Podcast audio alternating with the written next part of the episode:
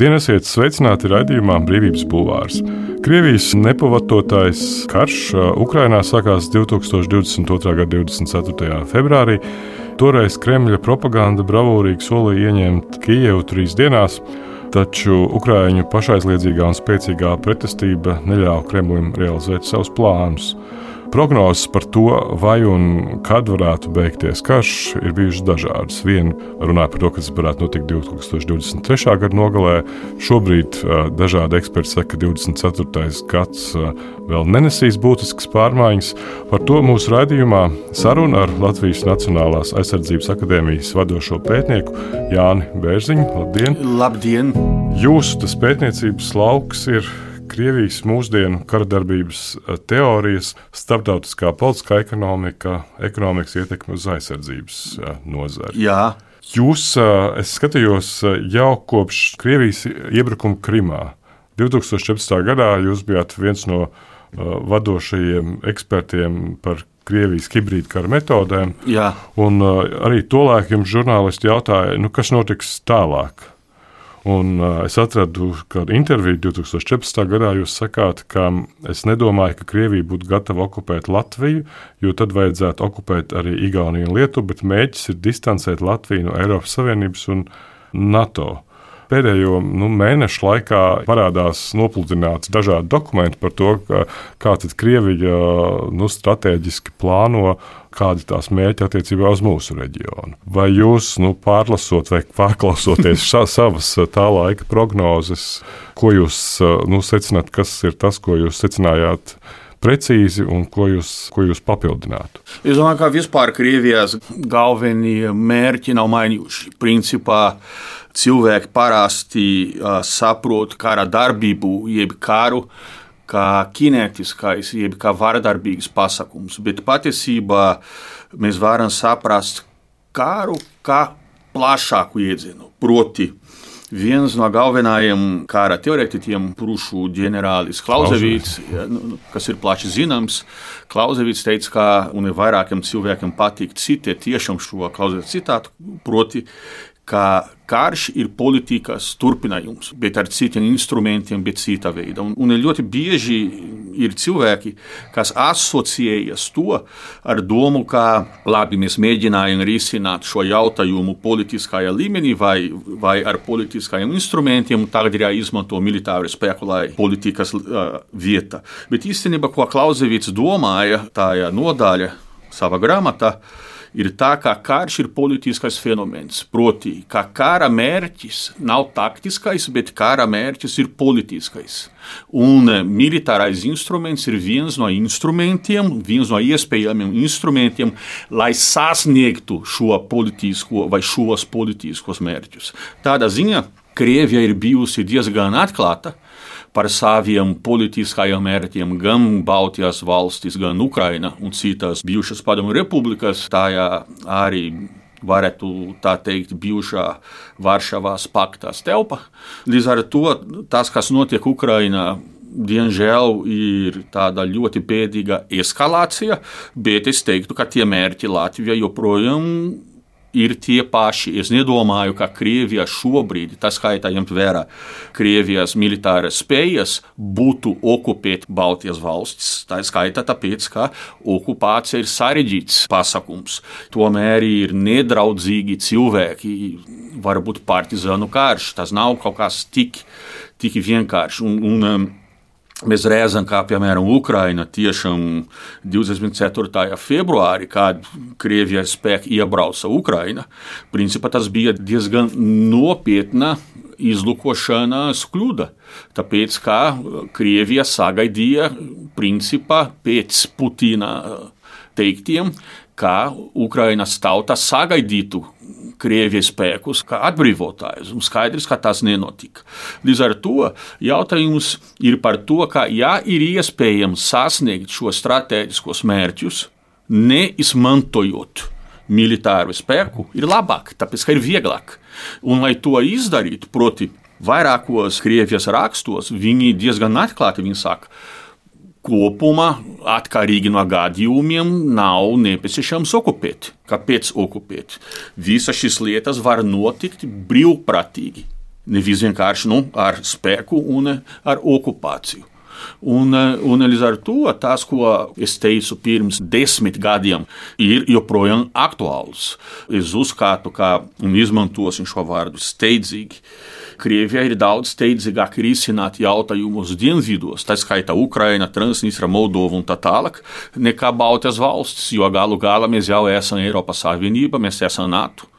Un tur ir tā nu, steidzīgi jārisina problēmas tur. Ar mums viņi ņemsies nedaudz vēlāk. Bet ko nozīmē nu, nedaudz vēlāk? Nu, cik liels ir tās stratēģijas, kurām jūsuprāt Latvijai būtu gatavai izstrādāt uz cik ilgu laika periodu? Tas ir, ko es gribēju pārformulēt īstenībā. Krievija turpina uzbrukt Latviju nemilitārā veidā, kā vienmēr ir, ir bijis. Tas turpina un šie uzbrukumi, kas nav īsti kinētiski, kas ir nekinētiska veida, jeb nevārdarbīga veida. Jūs varat pieminēt kādu piemēru? Nu, visas psiholoģiskas operācijas, ietekmes operācijas, propaganda, cilvēku smadzeņu skalošana un tā tālāk. Var redzēt diezgan skaidri, kā Krievijas stratēģija šajā ziņā agrāk. Un par agrāk es domāju, teiksim, pirms 18. gada, pirms 19. gada, plus mīnus pirms Covid, varam tā teikt. Ja? Ir tāds pārējais posms, nu, kas ir 18. un 19. plus mīnus, kura agrāk, kāda bija Krievijas tiešām stratēģija, bija Krievu minoritātes, bija izglītība latviešu valoda, bija veicināt Krievu kultūru un tā tālāk un tā joprojām. Bet uh, tas nav vairs aktuāls. Krievija pilnīgi mainīja savu stratēģiju. Tādā ziņā, kāpēc? Lai gan tie politiskie mērķi turpina būt vieni un tie paši, kas ir proti, ir attālināti Baltijas valsts no rietumiem, no rietumu vērtībām, no Eiropas Savienības un eh, no, no NATO. Ir daži raksti, kuros Krievijas ietekmīgi militāri analītiķi, strateģiski raksta, ka šobrīd vispiemērotākā, vislabvēlīgākā Krievijai situācija Baltijas valsts būtu, ko viņi sauc par finlandizāciju. Un ar to viņi saprot, ka mēs neesam Eiropas Savienība, mēs neesam NATO, mēs esam kaut kādā Nu, tas modelis, kurā bija Somija pēc otrā pasaules kara. kara jā. Jā. Un kā šobrīd būtu kaut kas līdzīgs Baltkrievijai, teiksim tā. Jā. Bet šīs cīņa ir zaudēta, jo Somija ir diezgan konkrēti pozicionējusies. Jā, jā, jā nu, par to nav šaubu. Jā. Ja mēs nodefinējam kara mērķis, Krievijas kara mērķi, piemēram, kā Ukraina lai attālinātu Ukrainu no NATO un no Eiropas Savienības, lai Somijā un Zviedrijā nebūtu NATO un tā tālāk. Principā Krievija ir zaudējusi šo, šo karu un ļoti stipri ir zaudējusi. Jautājums tādi nav par karu. Klausīvīca saprāšana, jeb nav par tiem politiskajiem nu, mērķiem. Konkrētām militārām operācijām. Bet runa ir par šobrīd par konkrētām militārām operācijām un kā tās var attīstīties vēlāk. Radījums Brīvības Bulvārs sarunas par to, kas notiek un ko mēs par to varam domāt. Šajā laikā Latviju, Baltiju apmeklēja Ukraiņas prezidents Valdimirs Zaļenskis. Jā. Kas, jūsuprāt, šeit ir strateģisks, kas šeit ir diplomātisks, kādi šeit ir tie mērķi un konteksts, jūsuprāt, kāds būtu tas, kā mēs varētu to tulkot? Politiski Baltijas valsts ir dziļi rietumos. Mēs esam Eiropas Savienība, mēs esam NATO, mēs esam OECD, un principā kopš neatkarības mūsu politiskais virziens ir bijis tāds, lai pietuvinātos rietumiem un būtu kopā ar rietumiem un nebūtu kopā ar Krieviju. Lai gan kāds varētu pateikt, ka, ka, ka tas izklausās nedaudz uh, dīvaini, ņemt vērā, ka visu laiku ļoti daudz, uh, ļoti stipri tika, tika tika izveidotas ekonomikas attiecības ar to pašu Krieviju. Tas ir nu, nedaudz pretrunīgi. Bet, bet um, tā ir ziņa fakts, ka Zelenskis ir šeit. Baltijā ir, ir diezgan stiprs vēstījums Krievijai, ka jā, mēs, mēs esam. Nu, ir vēl viens vēstījums, tāpēc ir bijuši vairāk Latvijas palīdzība Ukraiņā. Tas, kas mēs esam NATO, tas, kas paaugstina NATO kontingentu šeit, tas, kas mēs esam sakuši pirms dažiem gadiem, tiešām attīstīt savas militāras spējas un tā tālāk kas ir, nu, es uzskatu, ka viss ir pilnīgi pareizi. Bet, protams, kā vēstījums Krievijai ir diezgan skaidrs. Mēs neesam ar, kopā ar jums. Mēs esam kopā ar Ukrajinu, mēs esam kopā ar ar rietumiem. Bet tas nenozīmē, ka Krievija to pieņems. Tas nenozīmē, ka Krievijai tas ir patīkams tieši otrādi. Jo ņemt vērā, ko Krievija gribētu sasniegt šeit, vismaz tas būtu tā saucamā finlandizācija, ka mēs esam neitrāla valsts kuras labprāt sadarbojas ar Krieviju. Jā, bet ko tas tīri? Nu, teorētiski mēs esam Eiropa. Mēs praktiski esam de facto uh, Eiropas Jā. Savienības dalībvalsts un NATO dalībvalsts. Jā. Tāds finlandizācijas modelis nav īsti iespējams. Jūs to droši vien domājat savādāk.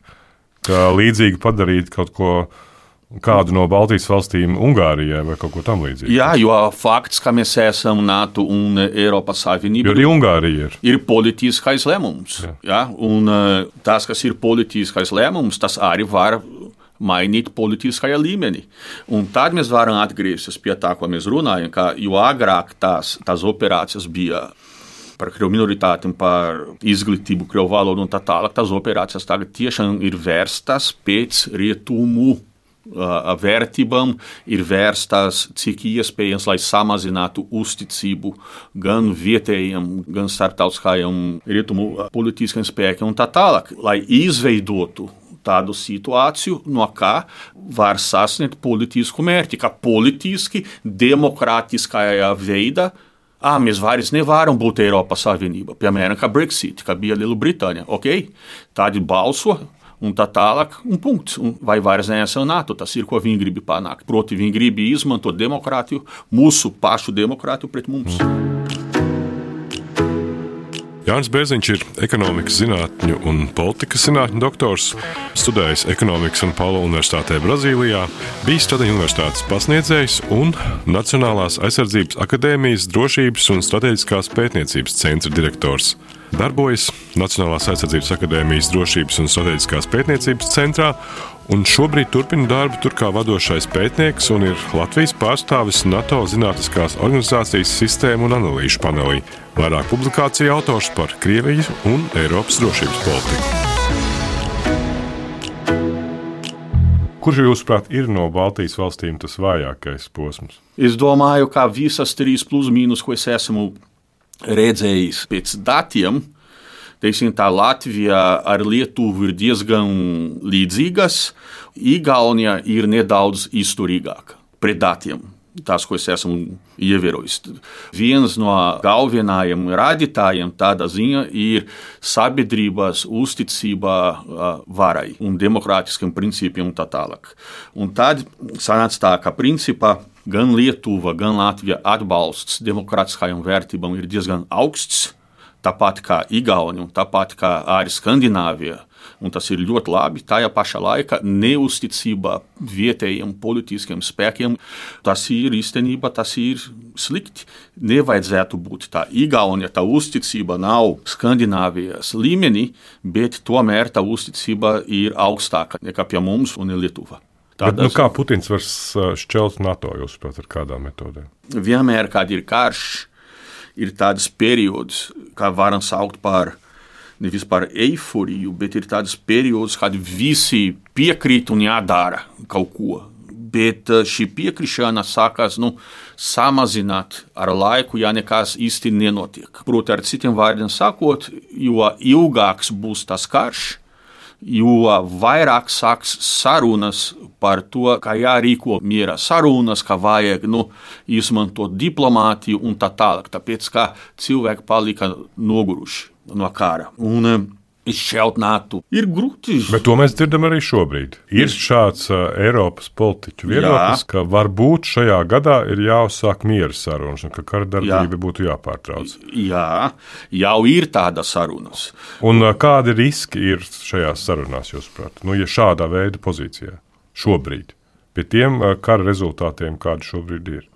Principā risks ir vadošu valstu politiķi, var interpretēt šo situāciju un var interpretēt vēlētāju vēlmi, kā principā, jā, pareizi ir rīkot šīs miera sarunas, un tad vajag, nu, vajag pielāgot, ka būtu iespējams arī ņemt vērā Krievijas intereses un mikstināt visu šo procesu.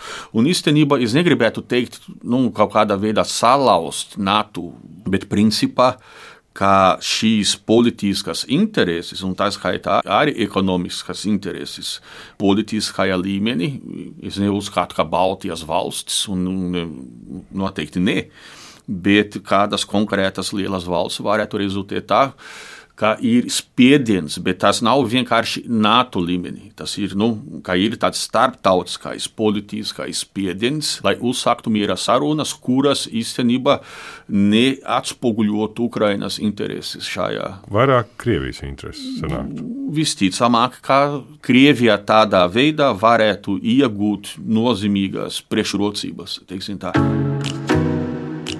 pēdējo 50 gadu tehnoloģiskais progress, īpaši informācijas un komunikācijas tehnoloģiju jomā, ir ļāvis inovatīvi izmantot vispār atzītas kara metodes. Tā kā kara darbības galvenais mērķis ir politisks, bet militārie instrumenti kalpo kā līdzeklis šī mērķa sasniegšanai, cīņa par sirdīm un prātiem ir kļuvusi par būtisku mūsdienu kara darbības aspektu. Tas būtiski ietekmē rietumus, ņemot vērā NATO militārā atturēšanas līdzekļu augsto uzticamību. Tā savā publikācijā Kognitīvais kaujas lauks Rietumu un Krievijas viedokļu izpēte rakstīja Jānis Bērziņš. Liela daļa ekspertu arī tajā pašā ekonomista prognozēs par 2024. gadu raksta, ka 2024. gads nebūs lūzuma punkts uh, Ukraiņas karā. Mēs skatām uz Krievijas budžetu? Jo mēs esam tikai nu, gada sākumā, kā mēs varam to Jā. prognozēt. Šis gads nenesīs nekādas būtiskas izmaiņas. Krievija ir gatava karot vismaz līdz 2026. gadam, skatot pēc Krievijas budžeta tas, ko viņi apstiprināja. Protams, kā pēc 26 gadiem es neesmu redzējis nekādu dokumentu, es neko nevaru komentēt, bet vismaz līdz 26 gadam viņi ir gatavi. Tas, kas notiek šobrīd kara laukā, ir tāds process, ko mēs varam raksturot, vai mēs varam saukt par primitivizāciju. Tas nozīmē to, ka karš, kā es negribētu īsti salīdzināt ar ražošanas procesu, bet nu, kara darbība ir atkarīga no tehnoloģijām. Un, principā, ja mēs salīdzinām, kāda veida karš notiek šobrīd, kā NATO karo, un mēs salīdzinām ar to, kas bija Pirmā pasaules kara laika, ir pilnīgi atšķirīgi. Jo ir jaunas tehnoloģijas, ir jauni ieroči, kas arī maina veidu, kā karavīri karo un mīļi darbojas. Primitivizācija nozīmē to, ka kara lauka neskatot uz to, ka mūsdienā vajadzētu karot tādā kāda veida, atgriezās pie pagātnes. Tas ir viens no, no pirmajiem rādītājiem, kas notiek izsikums. Un ne Krievija, principā notiek izsikums. Krievijā es redzēju bildes, piemēram, kurās karavīri gatavoja strančus un tā tālāk. Un viņi organizējās, dažas vienības organizējās līdzīgi Pirmā pasaules karam.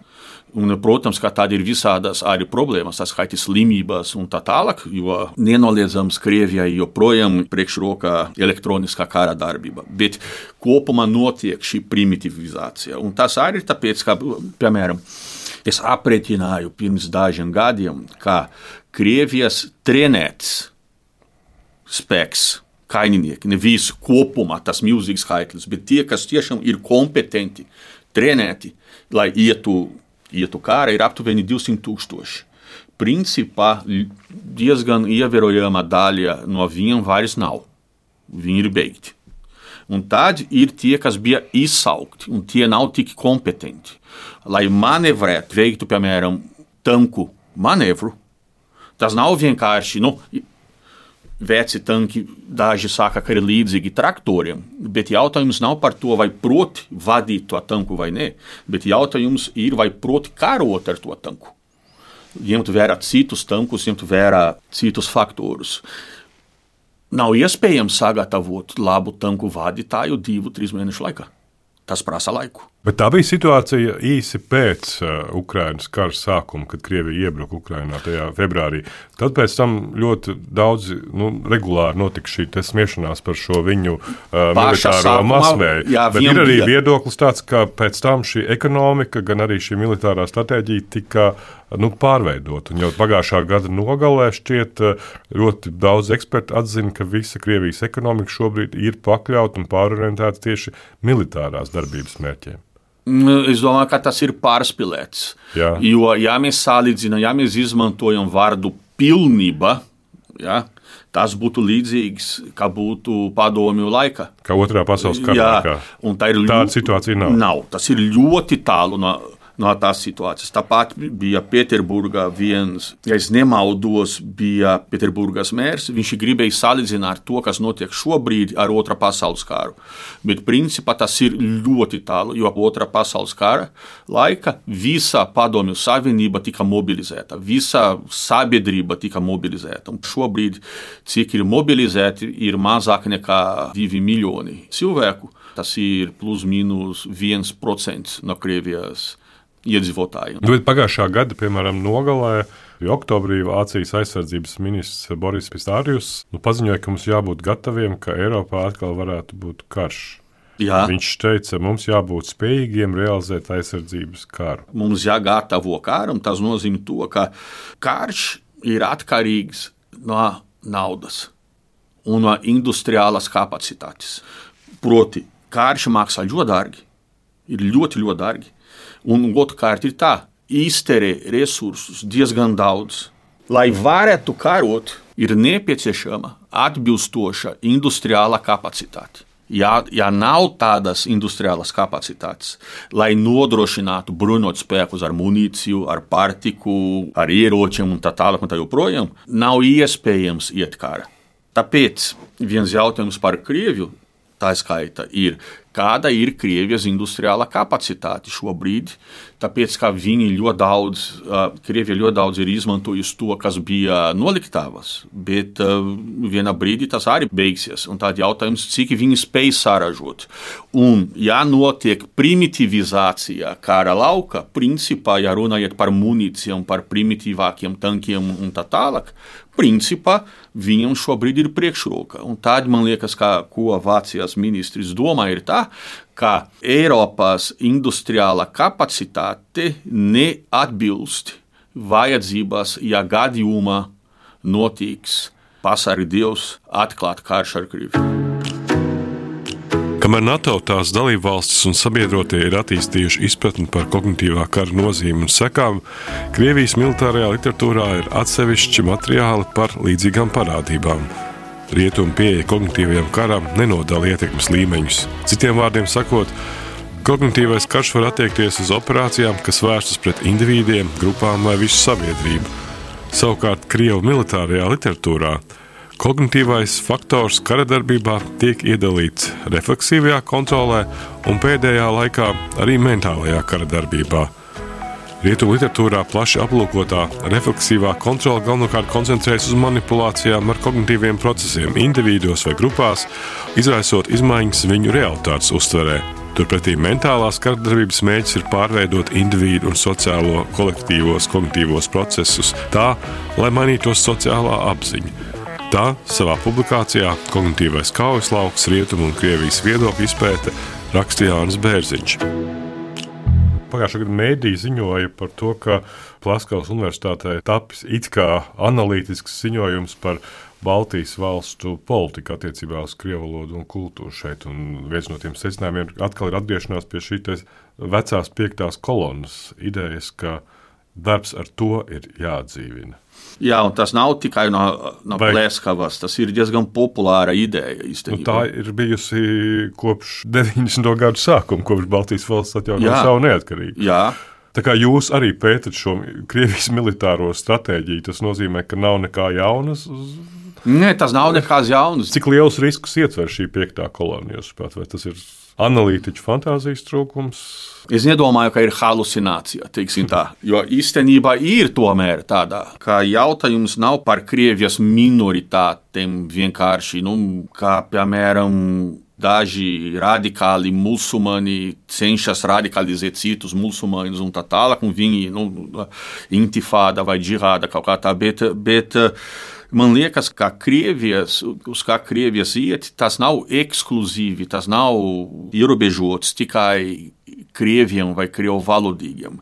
Tas ir plašākā nozīme. Visi cilvēki, kas piekrist vai tādiem cilvēkiem, kam ir tāds ideoloģiskais redzējums, kultūrāls, arī redzējums par kultūru un tā tālāk, kas ir līdzīgi Krievijas redzējumiem. Un tāda ziņa, kā es minēju, ir tāda sadursme starp Krievijai un Rietumiem, un tā izskaita par vērtībām, tāda civilizācijas sadursme. Krievi ļoti daudz raksta par to. Protams, es gribu teikt, ka nav jābūt Krieviem vai Krievu valodīgiem. Tas, citu, bija, jā. tas bija viens no interesantākajiem secinājumiem tajā viņu saucamajā pētījumā, ka viņi rakstīja, ka Baltijas valstīs cilvēki dzīvo informācijas eh, burbulī, Krievijas propagandai piekļūt ir grūti, kas tad ir mūsu politikas sasniegums, bet ir jāizmanto jaunas metodes.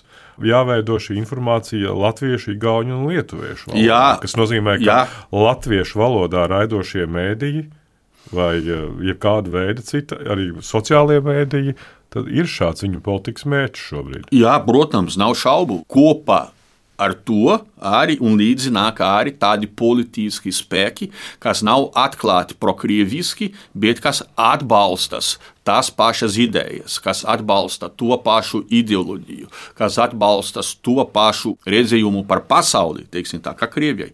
Bet tie Igauni var būt, nu, Igauni var būt Latvija, latvieši var būt Lietuva, lietuvieši. Tāpat kā Polija ir poļi, tāpat kā Ungāri ir ungāri, Čehija ir čehi un tā tālāk. Izmantot demokrātiju pret mums, izmantot demokrātiju pret demokrātiju. Uh, Jānis Bremers, politologs uh, Times kur arī prognozēja 2024. gada notikumus. Kā viena no variantiem, viņš gan arī saka, ka 24. gads varētu nenest būtiskas izmaiņas uh, kara laukā, bet viņš saka, ka pastāv arī iespēja ka Ukraina būtu gatava iziet uz militāriem riskiem. Var... Uzbrukot konkrētiem mērķiem Krievijā, vai tāda strateģiska rīcība? Īstenībā šī narratīva ir viena no, kas līdz šim ir rezultējusi tā, ka rietumi neapbruņoja Ukrainu, cik būtu, teiksim tā, nepieciešams, lai būtu, nu, to mēs redzam, jā, un... lai būtu tāda pārliecinoša uzvara, tāpēc, ka politiķi baida uh, no tā, ka Ukraina, tieši tā, ka Ukraina izmantos šos ieročus, lai uzbruktu Krievijas teritoriju. Un tas bailes... Un tādā veidā NATO tiktu ievilkts karā. Ne, vēl ir tā, ka pēc Krievijas militāras doktrīnas uzbrukums Krievijas teritorijai, ja viņi lems kā tādi uzbrukumi tiešām ir draudz nacionālai uh, eksistenci, proti, ka tādi uzbrukumi ir rezultē eksistenciāla draudam, drīkst izmantot kodolieročus. Un tas ir no kā cilvēka baidās. Bet jāskatās arī kritiski un pragmatiski uz šo jautājumu. Protams, ka nedrīkst izmantot kodolieročus, bet uh, vajag izvērtēt, vai Krievija izmantotu tiešām kodolu kodolierocis, tāpēc kā uzbruka kādu pilsētu. Nu, Belgoroda šobrīd. Nu, Bija uzbrukums Belgoroda, bija uzbrukums visādās citās nu, vietās, tuvu Belgorodam, un Krievija neizmantoja kodolieročus. Bet, protams, ka šī kodola narratīva ir daļa no Krievijas atturēšanās stratēģijas, tiešām lai rietumi neapbruņotu Ukrainu ar, ar tiem ieročiem, kas rezultētu pārliecinoša uzvara. Paldies! Tas bija Latvijas Nacionālās aizsardzības akadēmijas vadošais pētnieks Jānis Bērziņš. Paldies jums!